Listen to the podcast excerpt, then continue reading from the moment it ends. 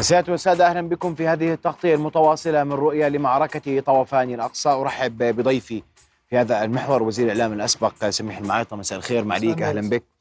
وأيضا سينضم إلينا المحلل السياسي مباشرة من إيران السيد أحمد مهدي وسيكون معنا مراسلنا حافظ أبو صبرة لآخر التطورات في نابلس. رؤيا بودكاست. أبدأ معك آه، معليك في الساعة الأخيرة إسرائيل تتحدث عن آه، عدم تأجيل العملية البرية لمدة زمنية أطول. الولايات المتحدة الأمريكية تتحدث عن إفراج عن الرهائن قبل بدء أي عملية برية. ويبدو أن هناك خلافا سياسيا تحت الطاولة بين الأمريكيين والإسرائيليين. تتفق مع ذلك أم تختلف؟ صحيح في خلاف بالأولويات. يعني في دعم أمريكي غير غير مسبوق آه، لإسرائيل عسكريا و والأهم سياسيا بالمناسبة التفويض السياسي لإسرائيل أن تفعل ما تشاء. وهذا أمر يعني الصعب هو اللي بيصعب الأمر. لكن في خلاف في الأولويات. مثلا الإسرائيليين كانوا بفضلوا يفتحوا جبهة في لبنان. آه، ويصير في يعني عمل عسكري في في جنوب لبنان. لكن الأمريكان عندهم رغبة أن لا أن لا يكون ذلك لأنه ما بدهم يتطور الصراع بالمنطقة ويتحول شيء إلى شيء إقليمي. بدهم تضل القصة على الأقل في المراحل الأولى في داخل الأراضي الفلسطينية وفي داخل غزة تحديدا وإذا كان في شيء بالضفه الغربيه نعم. والأمريكان كمان بتعرف عندهم خوف على مسألتين. عندهم خوف أن يكونوا هدف لاستهداف لمصالحهم في العالم. وهذا أمر في حسبان الأمريكان لأنهم اليوم آه، شركاء في القصة بشكل كبير وفي اندفاع أمريكية كبيرة جدا في تأييد مش في تأييد إسرائيل ترويج رواية إسرائيل ترويج آه، تقبل كل ما تقول. شفت في المستشفى المعمداني يعني بايدن ما أعطى ولا نص خيار آخر يعني حكى اللي قالوه الإسرائيليين. بشكل أو بآخر. فالامريكان آه، بدوا يحسوا إنه في ثمن ممكن يدفعوه لأنه لو انفلتت الأمور وصار مجموعة من العمليات ضد الأمريكان في بلدان العالم كمان هذا الأمر بصعب على الأمريكان كثير. الأمر الآخر عندهم الرهائن الأمريكان والأجانب اللي هم أو الأسرى الموجودين عند عند حماس. وهذا ملف آه، مقلق للأمريكان كثير وعنده هو أولوية. هسه امبارح لما أفرجوا أفرجت حماس أول أمس عن اثنين عن الست والبنت الموجودة لكن الإسرائيليين غير راغبين أن يكون ذلك لأنه بيخافوا إنه لما بصير إفراج بدون شروط لدفعات بسيطة اثنين وثلاث وأربعة إنه هذا الأمر يضعف الموقف الأمريكي والأوروبي إنه يصيروا يقولوا هي حماس تتعامل انسانيا وإنه يكسروا روايتهم في موضوع إنه حماس زي داعش تقتل وبتحرق وبتسوي وإنهم هذول زي هم تكرار للمحرقة والهولوكوست وكذا زي هيك فلاحظ هم هذا الأمر بيزعجهم كثير وما بدهم إياه. فلذلك الدفعة الثانية أو الاثنين الثانيين حماس قالت إنه إسرائيل رفضت تستقبلهم. لأنه هذول الأمر ما بدها يصير في حالة إنه حماس تتعاطى مع مع مع الموضوع بإنسانية ما في هذا الملف.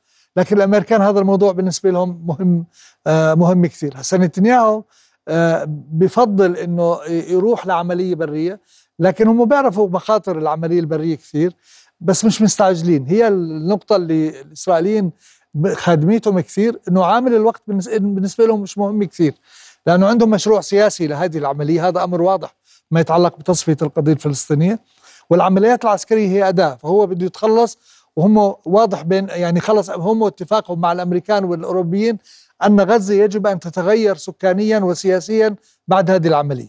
هسه إذا ما تغير الوضع في غزة سياسيا وبيحكوا بترى بالإعلام الأمريكي بيتحدثوا عن آه، قوة دولية أو يعني إدارة دولية لغزة بعد انتهاء العدوان وبعد هيك تدخل أو يكون في دخول للسلطة الفلسطينية وإنه يتغير من يحكم غزة يعني لما بتعود المعادله طبعا هذا ما ممكن يصير وفي حماس عندها قوة عسكرية. طبعا هذا اللي بيخططوا له. قديش بينجحوا ما بينجحوا؟ لذلك بتشوف أنت يعني التركيز العسكري بإسرائيل على شمال غزة اللي بغيروا بنيته بنيه المباني يعني الأرض اللي فيه الجغرافيا بتتغير فيه بحكم التدمير وحجم التدمير العالي في المباني وفي السكان والتهجير لأنه بيحاولوا يطلعوا الناس يضيقوا غزة تصير مساحتها أضيق من هيك يعني يأخذوا هذا الجزء أو يكون غير صالح للحياة. وبعدين لكن هل هل من الممكن اليوم سياسيا إنهاء حماس؟ أنا بسألك سؤال اما لا لا. نتحدث عن فقط آلة عسكرية يجب انهائها وهذا أيضا ليس بالسهل. حماس تلقت ضربات عديدة من, من إسرائيل في فترات زمنية متباعدة دون أن يؤثر ذلك فعليا على قدراتها العسكرية. شوف صحيح يعني حماس عمليا الجزء الآخر من حماس إنها جزء من الشعب الفلسطيني يعني جزء من غزة من المجتمع من ثقافته. يعني لو إنها تنظيم عسكري له قواعد بتضرب القواعد وبتقتل اللي فيها كان ممكن هذا الأمر إنه حدا يفكر إنه ممكن. هم قصتهم مع سلاح حماس. يعني حماس السيطرة العسكرية لحماس في غزة هذا الأمر اللي بيشتغلوا عليه واللي بيحاولوا يكون. إطالة مدى العمليات إلى أطول فترة ممكنة. زائد عدم وجود يعني خلينا نقول روافع تخفف الضغط عن غزة عسكريا من جبهات أخرى من حلفاء حماس المعروفين. هذا الأمر بخلي حماس تشعر يعني إحنا شفنا بخطاب إسماعيل هنيه وخالد مشعل قبل أيام كان في شعور بالخذلان من حلفائهم إنه يعني إنهم قدموا شيء لكن نتمنى يقدموا أكثر من شيء بجوز كانوا يتوقعوا شيء آخر. فإنك تترك حماس لوحدها تحت هذا الضرب تحت هذا العدوان الدولي التحالف الدولي الأوروبي الأمريكي آه الإسرائيلي وتعطيهم مدى وتفويض سياسي. إحنا اليوم كنا نسمع عن مشروع قرار لإدانة حماس في مجلس الأمن مش مطالبة إسرائيل بوقف العدوان. تخيل لأنه الدعم الدبلوماسي الأمريكي بيمنع أي قرار بإدانة إسرائيل. قمة القاهرة شفت الكلام اللي حكوه الأوروبيين اللي حكوه الألمان وزير الخارجية الألمانية اللي حكوه. حكي يعني مش ممكن يحكي حتى نتنياهو لو يطلع يحكي ما بيحكي بهذه القوة وبهذا الحماس في إدانة الفلسطينيين وفي في هذا تأييد هذه العملية. فنتنياهو عنده كل هذا الدعم. والهدف المتفق عليه واضح متفق عليه. يعني أنا ما هو نتنياهو عنده مشروعه وهم بيعرفوا شو بده يعمل وموافقين على اللي بده يعمله. زي ما يعني بقول لك إنه نتنياهو اليوم مع مع الإدارة الأمريكية لديهم صفقة قرن عسكرية باداء عسكرية في غزة. الهدف الأساسي غزة ما قبل العملية سبعة عشرة ما قبل تلك العملية ستختلف هم يريدوا أن تختلف بشكلها وسكانها وموضوع التهجير لمصر بالمناسبة يعني موضوع جدي عند الإسرائيل مخطط مهم. لكن رد إجا سياسيا لا لا جدا. أقول لك المصريين والأردن وقفوا موقف صلب في الموضوع لأنه هذه سابقة لو حدث بتهجير بألف واحد ستسجل إسرائيل سابقة وبتبني عليها بعدين. حتى الأمريكان ما عادوا متحمسين يعني مع مع الضغط ومع المواقف المصرية والأردنية والعربية في الرفض الأمريكان ما ما يتحدث يعني متحمسين لهذا الخيار اللي بتطرحه إسرائيل، لكن بكل الأحوال صار التهجير من غزة أو ما صار هم يريدوا غزة أصغر مما كانت عليه، يريدوا غزة بتشكيل جغرافي مختلف، يريدوا غزة حماس تكون فيها حالة سياسية وليست حالة عسكرية، هسا قديش بيقدروا يروحوا لهذا الأمر؟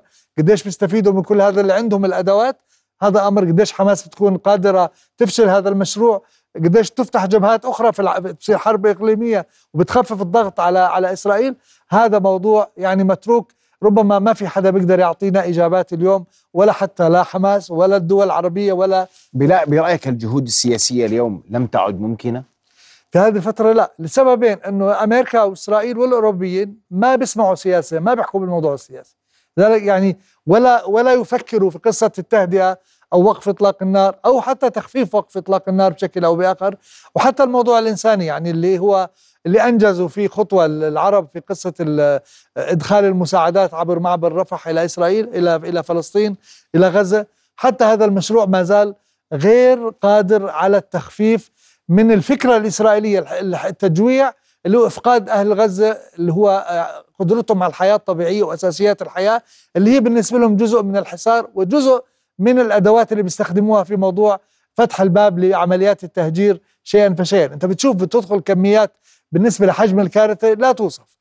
آه، يعني وإسرائيل رح رح تصير بعد فترة تحط شروط وتصير تضرب ممكن في فترة إنها تضرب آه، حول المساعدات والناس تبطل تفوت يعني تبطل تفوت أو تخف بمعنى إسرائيل لا تريد المساعدات الإنسانية أن تأخذ مداها لأنه هذا الأمر يفشل جزء من إفشال واحد من أسلحتها المهمة وهو تحويل غزة إلى جحيم للمعيشة لأهل غزة بشكل أو بآخر.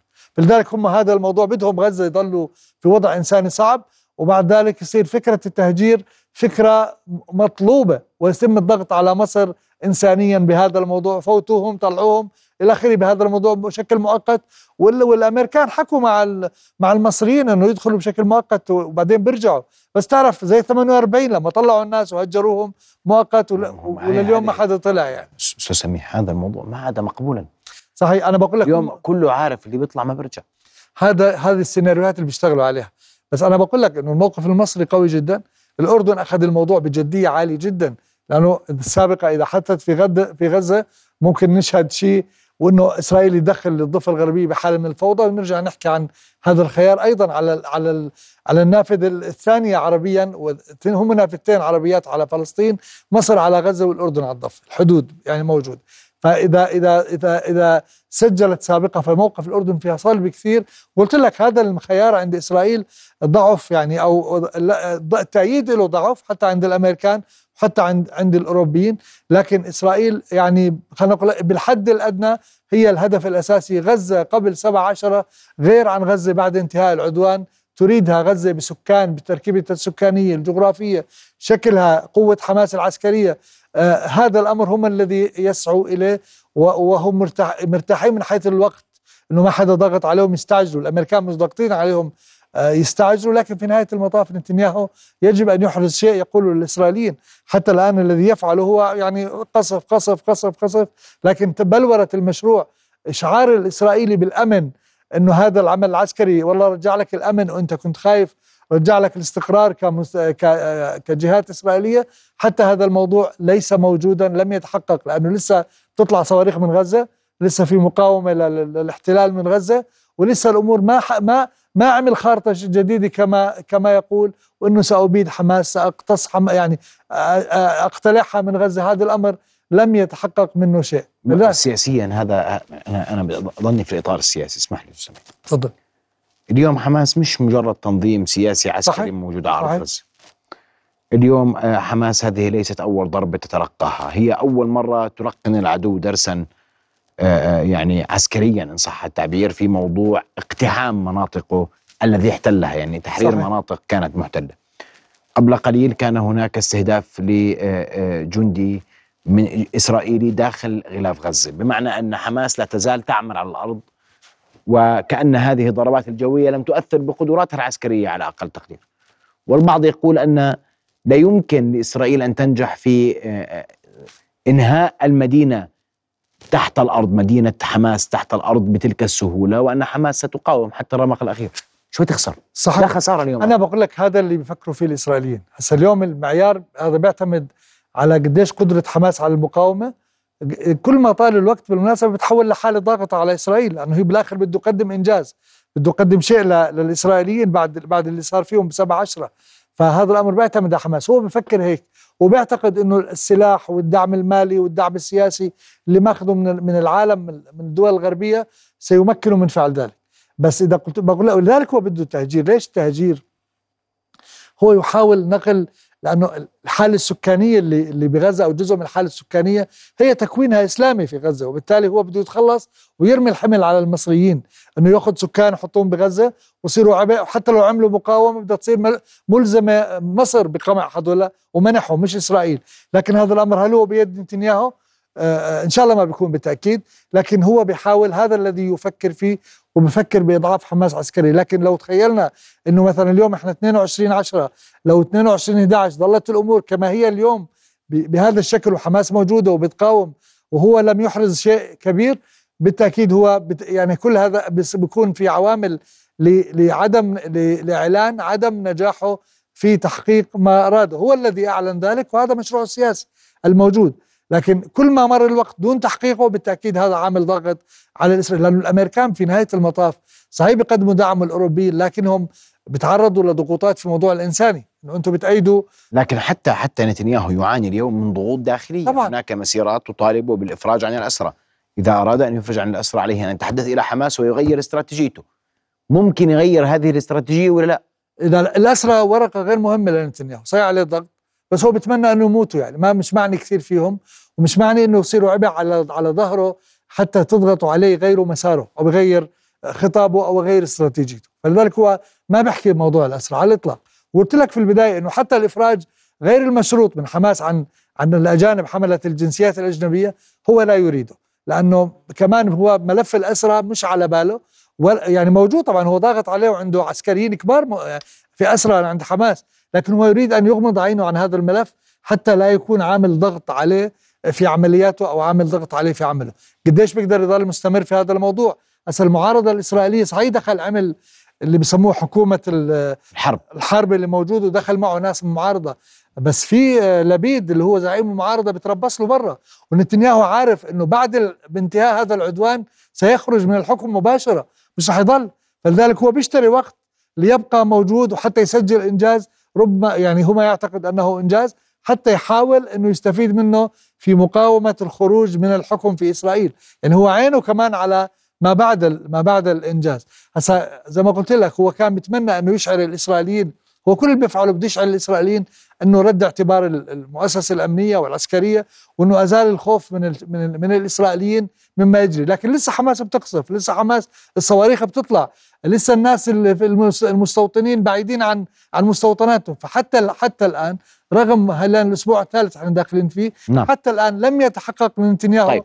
هذا الهدف مبا... يعني بشكل صحيح قتل كثير واستشهد ناس كثير من الفلسطينيين دمر كثير بجوز ضرب جزء من بنية حماس العسكرية لكنه لم يحقق الهدف الذي يريد يعني غزة جديدة طيب. بعد العدوان بسؤال أخير هل هل يملك الأردن وتملك مصر اليوم اوراقا لإدخالها في ساحة هذه المعركة ووقف الحرب برأيك؟ آه، كل العرب اليوم آه، لا يملكوا إلا الضغط وعارفين المفتاح الأمريكا هسا إذا إذا تغير الموقف الأمريكي أو شوي الشد ال- مع إسرائيل اللي بعد بعد زمن آه، تغيرت أولويات الأمريكان يمكن أن يكون في ضغط أمريكي. عدد الضغط الأمريكي وال- والمدخل الأمريكي لوقف الحرب أو لوقف التصعيد وعدد الضرر اللي ممكن يتعرض له نتنياهو فيما لو فتحت عليه جبهات أخرى بعتقد إنه آه، آه، وقف العدوان العسكري بعتقد إنه في صعوبة شديدة على الأقل في هذه المرحلة اللي نتنياهو يريد أن يأخذ فرصته كامل في تنفيذ ال- المشروع السياسي الذي يختبئ خلف الدبابات والطائرات الإسرائيلية. المشروع السياسي الداخلي والأهم والخارجي. الخارجي تصفية القضية الفلسطينية. فرصة بالنسبة له مهم كثير. تصفية القضية الفلسطينية ما يعود في شيء اسمه قضية فلسطينية بمفهومنا إحنا كعرب وكأردنيين وفلسطينيين بالموضوع.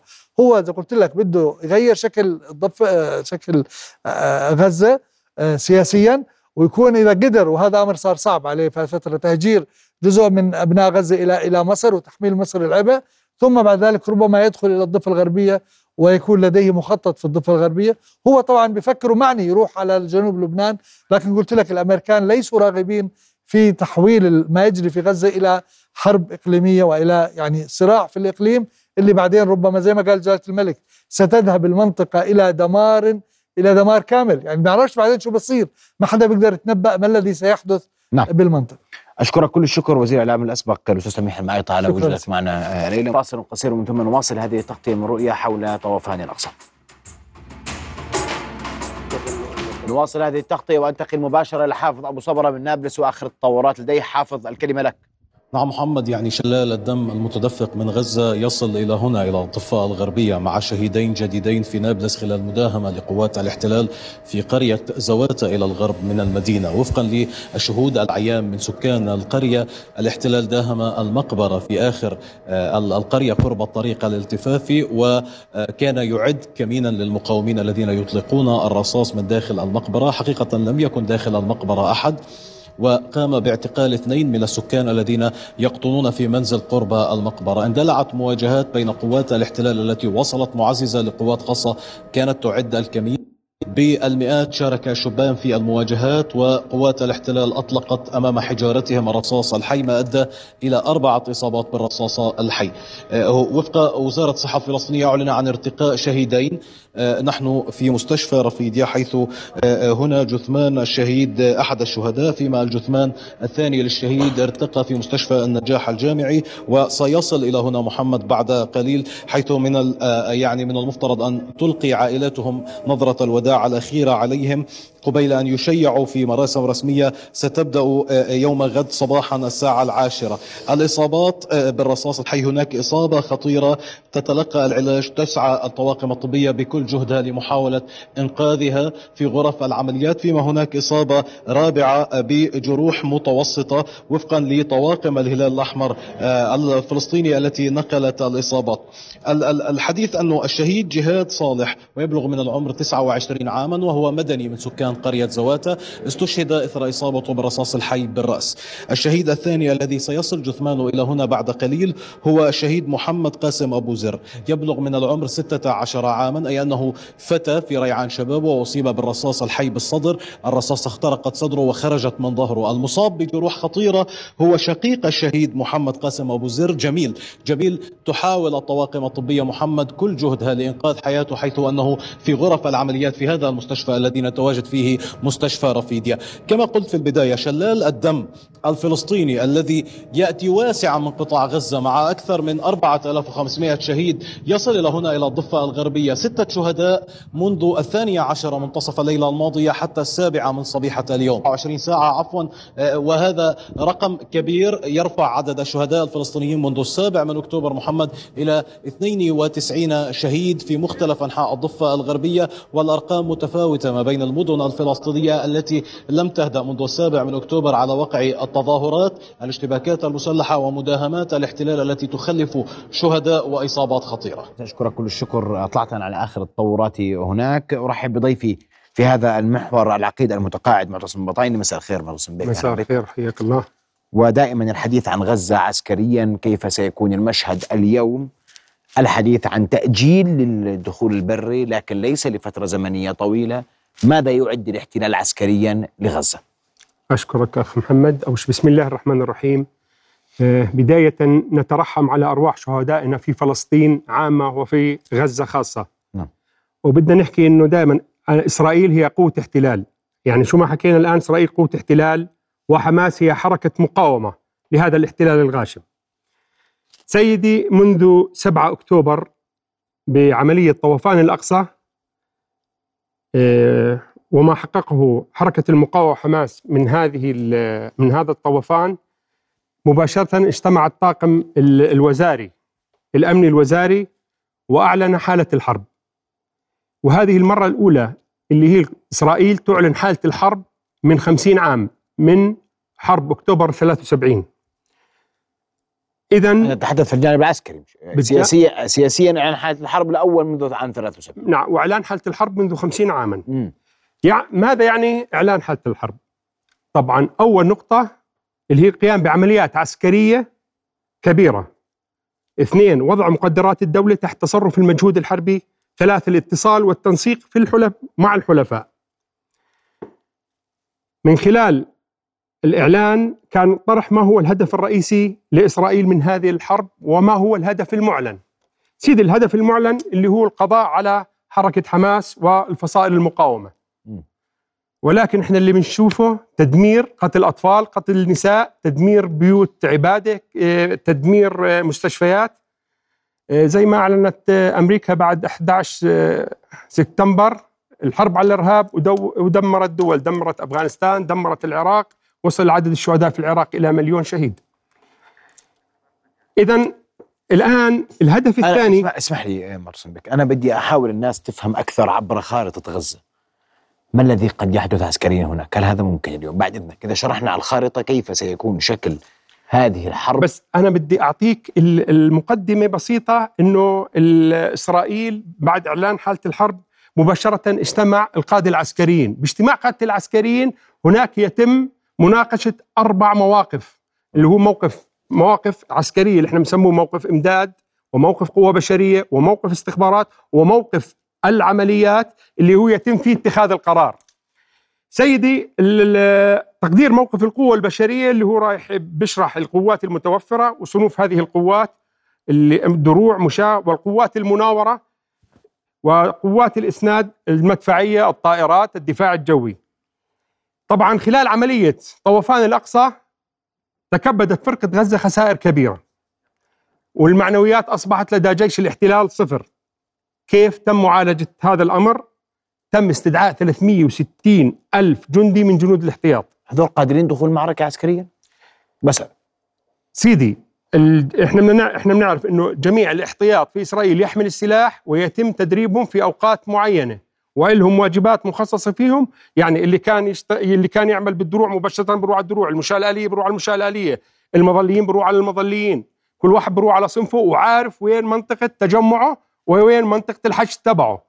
إسرائيل دولة عبارة عن دولة كلياتها جيش حتى اللي بسموها المستوطنات سيد هذه المستوطنات هي عبارة إحنا بنسميها سكن وظيفي للقوات حتى تمتص الضربات الأولى وتقلص اللي هي الوقت تم استدعاء سيدي حكينا 360 ألف جندي من الاحتياط تحركت حاملة الطائرات جير فورد باتجاه شواطئ إسرائيل وهذه الطائرة لها قدرة على حمل 75 طائرة.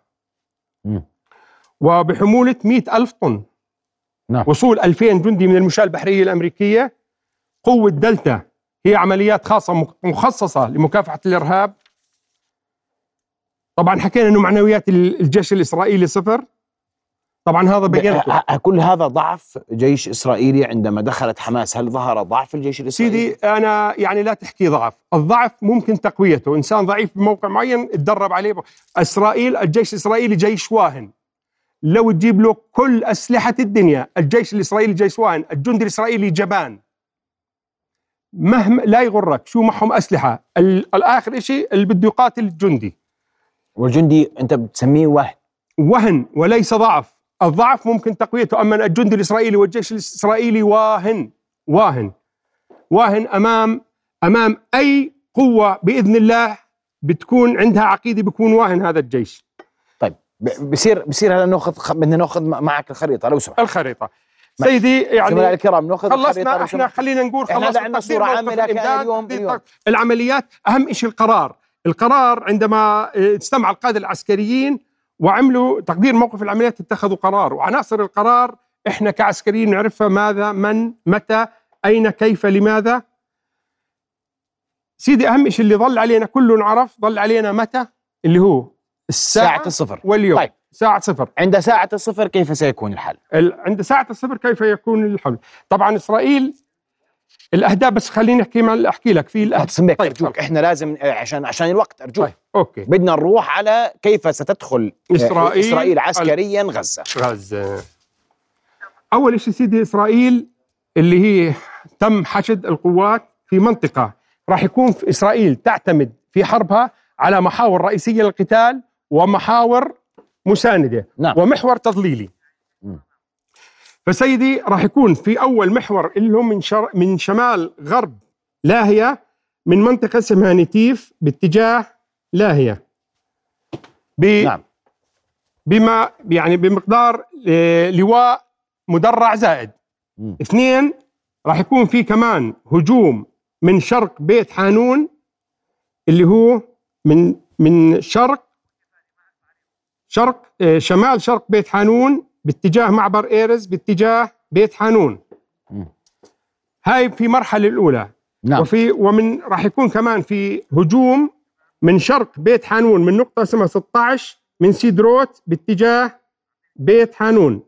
هاي الهجوم الرئيسي في هذه المنطقة اللي حكينا بيت خليك. حانون ولاهية إحنا بنحكي عن ثلاثة محاور. ثلاثة محاور هاي محا... الهجوم الرئيسي أعتقد راح تكون هجوم رئيسي هذا هجوم رئيسي سيكون من ثلاث محاور نعم، صحيح. اثنين باتجاه بيت لاهية واحد باتجاه اللي هو أو- أو- أو بيت واحد من لاهية بيت هجوم. باتجاه بيت حانون باتجاه بيت في مرحلة أولى مم. طبعا هاي مع قوات بنسميها إحنا قوات ال- ال- القوات اللي بالعمق هي قوات احتياط مم. رايح يا سمح الله إذا تم تحقيق النجاح راح تتحرك باتجاه جباليا يعني راح يكون هاي قوات تتحرك باتجاه جباليا وإن شاء الله إنهم ما يقدروا يتحركوا طبعا هم إحنا من إحنا إحنا اليوم أنا بصور قدر الإمكان الحشات العسكرية. هناك قوات مدفعية قوات مشاة طبعا. والقوات البحرية والقوات طيب الجوية. القوات ال- ال- الإسناد الجوي والمدفعي اللي هو مسميه القصف التمهيدي بلش من سبعة الشهر. بلش قصف وقصف جوي وقصف تمهيدي وقصف من راح يكون يساندها طبعا قطاعات ال- البحرية. القصف التمهيدي بلش من سبعة الشهر. الآن القصف التمهيدي الآن يا سيدي العزيز هذا اللي حكينا المحور الرئيسي تم تقطيع تم تقسيم قطاع غزة إلى ثلاث قطاعات بدنا نعرف. إنه القطاع الشمالي من خط الهدنة باتجاه اللي هو آه غلاف غزة. وادي غزة. وادي غزة. ومن وادي غزة إلى وادي سكيم ومن وادي سكيم إلى الحدود المصرية إلى إلى رفح م. تم تقسيمها. الآن الهجوم سيدي راح يكون كمان من منطقة اسمها ناحل عوز باتجاه الشجاعية ومن منطقة بئيري باتجاه باتجاه البريج مخيم بريج مخيم البريج ويا سمح الله إحنا حكينا إذا تم تحقيق رايحين يتجهوا مباشرة إلى الزيتونة في المرحلة اللاحقة وباتجاه اللي هي الانصيرات. راح يكون في هون آه، في عندنا بالمنطقة الجنوبية هجوم تضليلي هجوم إيش تضليلي قصدك في تضليلي؟ نعم. التجه... سيدي آه، إسرائيل دائما تعتمد على عدة محاور. المحور اللي بتحقق فيه النجاح مبكرا يتم دعمه مباشره ب- بمساندته بقوات إسناد وقوات محمولة جوا وهذه القوات المحمولة جوا دائما بيكونوا محضرين لها مناطق إما مناطق زراعية. أو مناطق اللي هي اللي قصفتها الأرض المحروقة اللي قصفتها المدفعية وسلاح الجو. بس خليني معك معتصم بيك. نتحدث عن شمال قطاع غزة. ثلاث محاور سيبدأ منها الهجوم العسكري لأنه الإسرائيلي. إحنا لاحظنا في شمال. حتى وادي غزة صحيح؟ بالضبط. ثم من وادي غزة باتجاه المنطقة الوسطى اللي هي اللي فيها سكيب. الشجاعية والبريج والزيتون والنصيرات هذه المنطقة الوسطى. الوسطى. والمنطقة سيتركز الأخيرة اللي هي. خان يونس ورفح. أنت تقرأ في المنطقة الجنوبية هجوما مضللا كيف سيكون؟ سيدي هو هجوم الهجوم المضلل دائما بيكون قوات صغيرة وتدعمه بقوة نار هائلة. المضلل عشان إنه يعني إنه المدافع يعتقد إنه من هنا الهجوم الرئيسي. إحنا كلياتنا الآن عارفين إنه الهجوم الرئيسي راح يكون في الشمال. لاحظت إنه قوة تدميرية هائلة في الشمال ويعملوا على تهجير. إحنا حكينا في هدف معلن. الهدف المعلن هو يا سيدي اللي هو القضاء على حركة حماس لا سمح الله. ولكن الهدف الأهداف الغير معلنة اللي هو تهجير من الشمال إلى الجنوب. والآن في بحدود خمس نص مليون نص مليون تهجروا بسبب القصف العشوائي لهذه المناطق. ثانيا في إسرائيل حاط إذا تحقق يا سمح الله اللي هو إيجاد غلاف من اثنين إلى من اثنين كيلو إلى أربعة كيلو داخل غزة حتى يصير عندها غلافين غلاف خارجي وغلاف داخلي. قد- قديش قديش مساحته هذا الغلاف؟ الغلاف هين حكيت لك بعرض اثنين من 2 كيلو إلى 4 كيلو إذا تحقق معهم الهجوم إذا تحقق معهم ال- النجاح بال هذا في شمال قطاع غزة. سيدي راح يكون ال- الغلاف اللي بدهم يعملوه من الشمال من 2 إلى 4 كيلو ومن بيطلع معك. أنت تتحدث عن غلاف قد تلجأ آه، إليه إسرائيل. داخل الغلاف بصير عندنا غلافين. نعم. الغلاف راح يكون من معبر إيرز اللي هو عبر طريق صلاح الدين بظل يمشي سيدي إلى معبر رفح. كيف هذا بدهم يحققوه؟ هذا سيدي العزيز مش م- يعني آه، مش ممكن يعني مش ليس شرطا إنه الاحتلال ممكن السيطره عليه بالنار. رح نعرف ممكن السيطره بالنيران بقوة النار هو الاحتلال يعني بيظلها طول السنة. لا يا سيدي هو الآن بيحطوا عليه أجهزة مراقبة. أي حركة داخل هذا الغلاف يتم قصفه. مم. يتم قصفه لأنه ال- الغلاف الخارجي وأسلاك الشائكة وال- والجدار آه، يعني أثبت فشلها. آه، بدنا نعرف إنه راح يكون هناك الاثنين ثلاثة كيلو اللي فوق. بالضبط معاين هاي كمان غل- غلاف. بالضبط هذا كامل راح يكون هيك الغلاف. نعم. كامل يعني راح يكون غلاف حول غلاف داخل الغلاف الخارجي غلاف القو- داخلي. القوة البحرية هل ستدخل المعركة برأيك؟ طبعا أكيد. يعني إحنا قلنا في جباليا بتكون راح يكون عليها قصف شديد. الآن بدنا نعرف إنه إحنا الآن بس إذا لا سمح الله دخلت القوات البرية إلى حدود المناطق المبنية الآن ال- ال- أي برا بدهم يدخلوا من الشمال ومن الجنوب حكينا إحنا برا من يدخلوا من نتف ومن يا سيد العزيز من إيريز مم. ومن آه، سدروت النقطة 16 باتجاه باتجاه بيت حانون بتاع. الآن عندما وصول هذه ال- ال- القوات إلى المناطق المبنية الآن ال- القصف الجوي راح يوقف لأنه قواتهم الآن دخلت يتم عزل الآن القصف الجوي يعني والقصف أنت لما لما تحكي في هذا الإطار آه. نعم بعد الدخول العسكري نعم بعد الدخول العسكري مم. الآن راح يتم إيش؟ راح تدخل قوات المشاة برأيك من شمال سيدي مش؟ المشاة القوة ال- الجيش الإسرائيلي آه. بعد إذنك آه. الجيش الإسرائيلي يعتمد على الح... على قوتين حماية الدرع وقوة النار الجندي الإسرائيلي جبان إنه يمشي على الأرض ويعمل كمجموعات صغيرة إنه يعمل قدام راح يفوت في دبابة ويفوت في ناقل الجنود وهاي راح تكون بإذن الله هدف واضح وسهل لرجال المقاومة وهذا يعني أن آه، في مرحلة ما سلاح الجو سيحيد. الآن بس تصل منطقة معينة سلاح الجو سيحيد سينتقل إلى القصف إلى المناطق ال- الايش اللاحقة اللي هي راح تكون جباليا راح تكون انصيرات راح تكون الزيتون سيزيد زخم ال ال الهجوم القصف الجوي والمدفعي والبحري. طبعا إحنا القوات البحرية راح تشارك بما يقدر حوالي تسع قطع. ليش؟ بدها تعزل المنطقة وحتى قوات حتى رجال المقاومة لا يتم إيش؟ الالتفاف.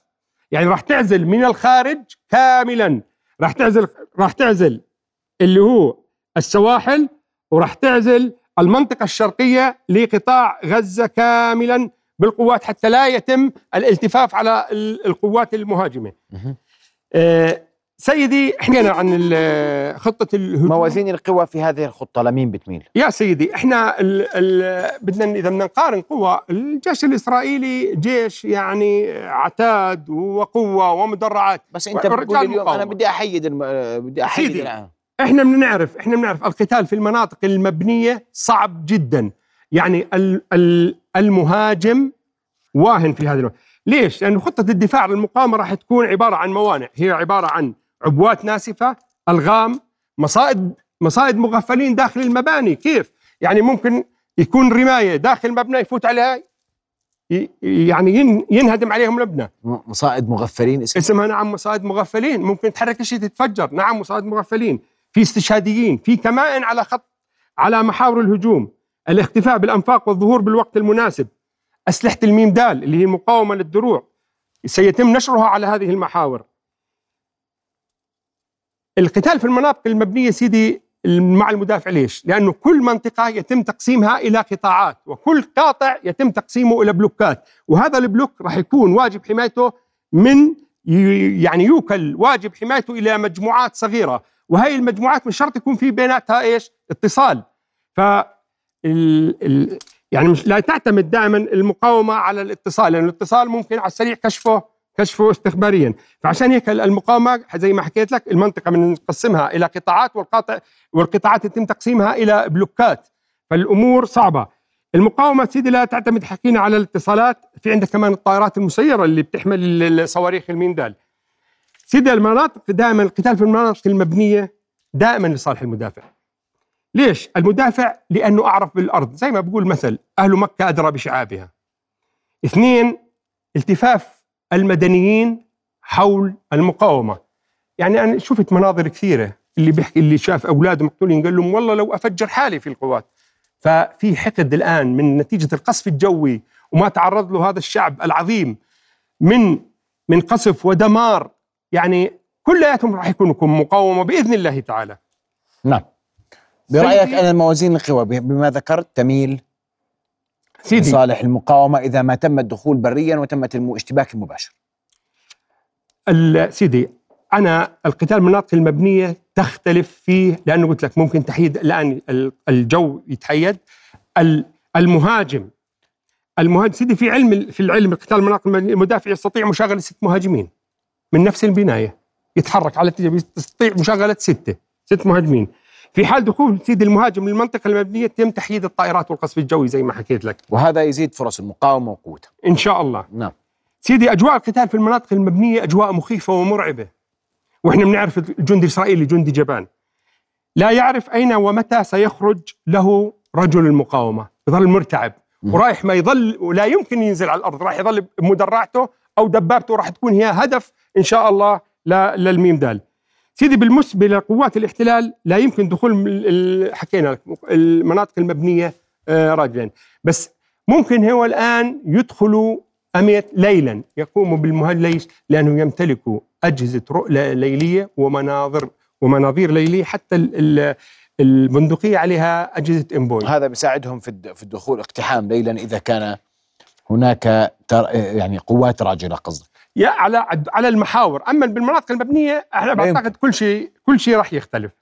أشكرك كل الشكر العقيد المتقاعد معتصم بطيني شرحت كيف سيكون شكل الدخول العسكري لقطاع غزة. بس بدي أقول ومحاور. تفضل بعجالة. كلمة أخيرة في عجالة. سيد في سورة الروم آية 47 ربنا الحمد لله وعدنا بالنصر. وقال وكان حقا علينا نصر المؤمنين. وحاشا لله أن يخلف وعده. وإن شاء الله المقاومة راح تنتصر. أشكرك كل الشكر العقيد المتقاعد معتصم بطيني على وجودك معنا ليلة شكرا جزيلا لك. حياك. الله. شكرا. فاصل قصير من ثم نتابع هذه التغطية المتواصلة من رؤية لطوفان الأقصى يبقوا معنا نواصل هذه التغطية من رؤية لمعركة طوفان الأقصى. أرحب بضيفي من إيران أحمد مهدي المحلل السياسي. أستاذ أحمد مساء الخير. أهلا ومرحبا شكرا لكم وحياكم الله وبياكم وشكرا على الاستضافة. أهلا بك قبل أن أسمع رأيك بما يحدث وما يدور ولماذا لم تتدخل الجبهات المساندة للمقاومة حتى اللحظة في معركة طوفان الأقصى أنتقل لصهيب المؤمني مراسلنا المتواجد في الرابية لأستمع لأبرز التطورات لديك صهيب المؤمني مساء الخير ماذا لديك؟ نعم محمد يعني نتواجد الآن في منطقة الرابية تحديدا بجانب مسجد الكالوتي في الساحة المخصصة للوقفات. يعني منذ المغرب اليوم أو منذ ساعات غروب اليوم بعد صلاة المغرب بالتحديد بدأ العشرات بالتوجه إلى هذه الساحة كما هو المعتاد منذ بدء العدوان على غزة. للتعبير عن رأيهم وأيضا مناصرة القضية الفلسطينية. اليوم كان هناك العديد من اللافتات والشعارات التي تحمل صورا لبعض المجازر التي قام بها الاحتلال. هناك هتافات عديدة تندد بكل ما يقوم به الاحتلال في العدوان على غزة. هناك هتافات أيضا بالمناصرة للفلسطينيين وصمودهم وأيضا بأن يتحملوا كل ما يمر بهم اليوم على هذه في هذه الأحداث. هذه مشاهد يعني كما تشاهد هناك العلم الأردني والعلم الفلسطيني مما يدل على لحمة الشعبين اليوم في هذه نعم. القضية وأيضا أن هذه القضية هي قضية واحدة. نعم.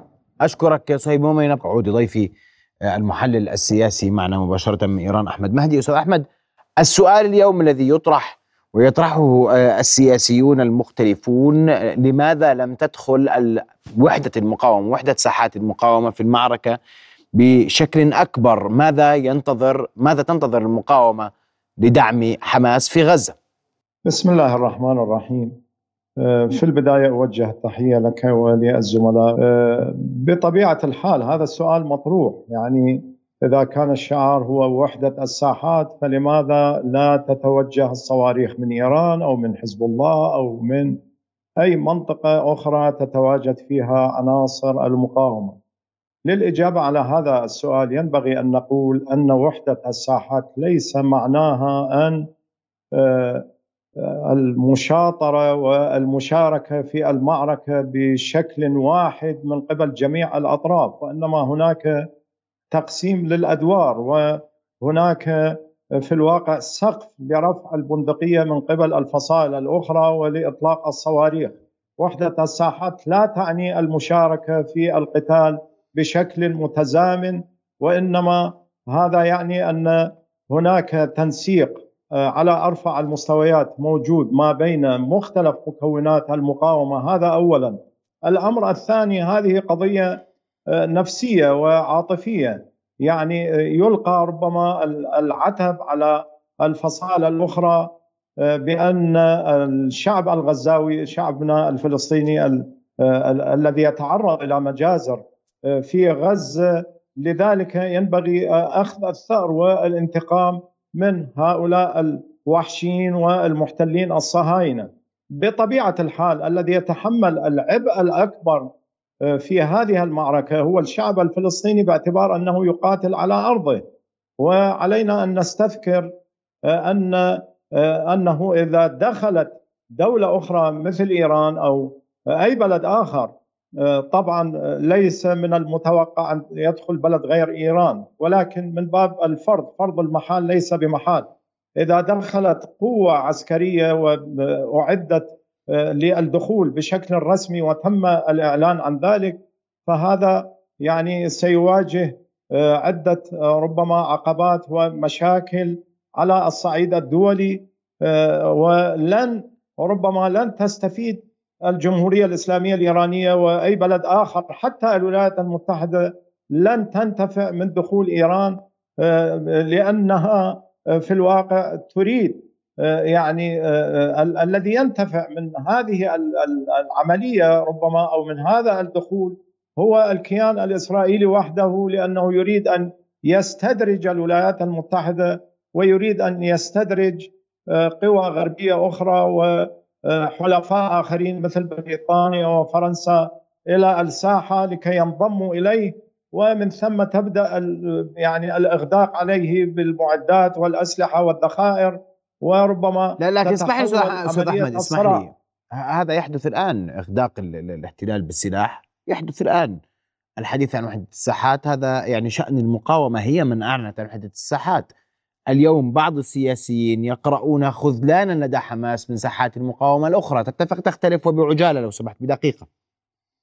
ابدا ابدا. ليس هناك خذلان. المقاومة الفلسطينية هي وحدها هي من أعلنت أنها قادرة على التصدي للصهاينة وأعلنت أنها في الواقع الآن مكتفية بما لديها من أسلحة ومن ذخائر ومن معدات ومن أين جاءت بهذه الذخائر والمعدات؟ هي في الواقع يعني هناك دخول هناك وحدة في الساحات. حزب الله الآن يشاغل العدو الصهيوني بإطلاق الكثير من يعني الأسلحة والقدرات النارية التي تستهدف مواقع الصهاينة بشكل دقيق واستطاع احتجاز ربما ثلاث أو أربع فرق عسكرية في شمال فلسطين المحتلة. وهذا هو بحد ذاته يعد انجازا كبيرا نعم. بأن هذه القوات في الواقع محاصرة بضربات حزب الله ولا تستطيع التوجه إلى غزة. وهذا هو أحد أهداف المقاومة. وكلما يعني ذهب الكيان الصهيوني إلى التصعيد فإن قوى المقاومة الأخرى ستتوجه أكثر إلى التصعيد وهذا هو المتوقع. أما حاليا وحدة الساحات هي في الواقع لا تعني إطلاق الصواريخ من كل مكان على الكيان الصهيوني وإنما ينبغي انتظار اللحظة الحاسمة لأن حلفاء حماس وحلفاء الشعب الفلسطيني أو مكونات المقاومة الأخرى يعني يفكرون في في عواقب هذه القضية مرات ومرات قبل أن يبدأوا بمثل نعم. هذه العملية وينبغي يعني الركون إلى المستجدات وإلى مستلزمات واضح. المعركة أكثر من من أي شيء آخر أشكرك كل الشكر. المحلل السياسي كنت معنا مباشرة من إيران الأستاذ أحمد مهدي. علقت على وحدة ساحات المقاومة وماذا تستملك المقاومة في قادم الأيام وتحديدا معنى وحدة الساحات. أشكرك كل الشكر أستاذ أحمد. تصبحون على خير.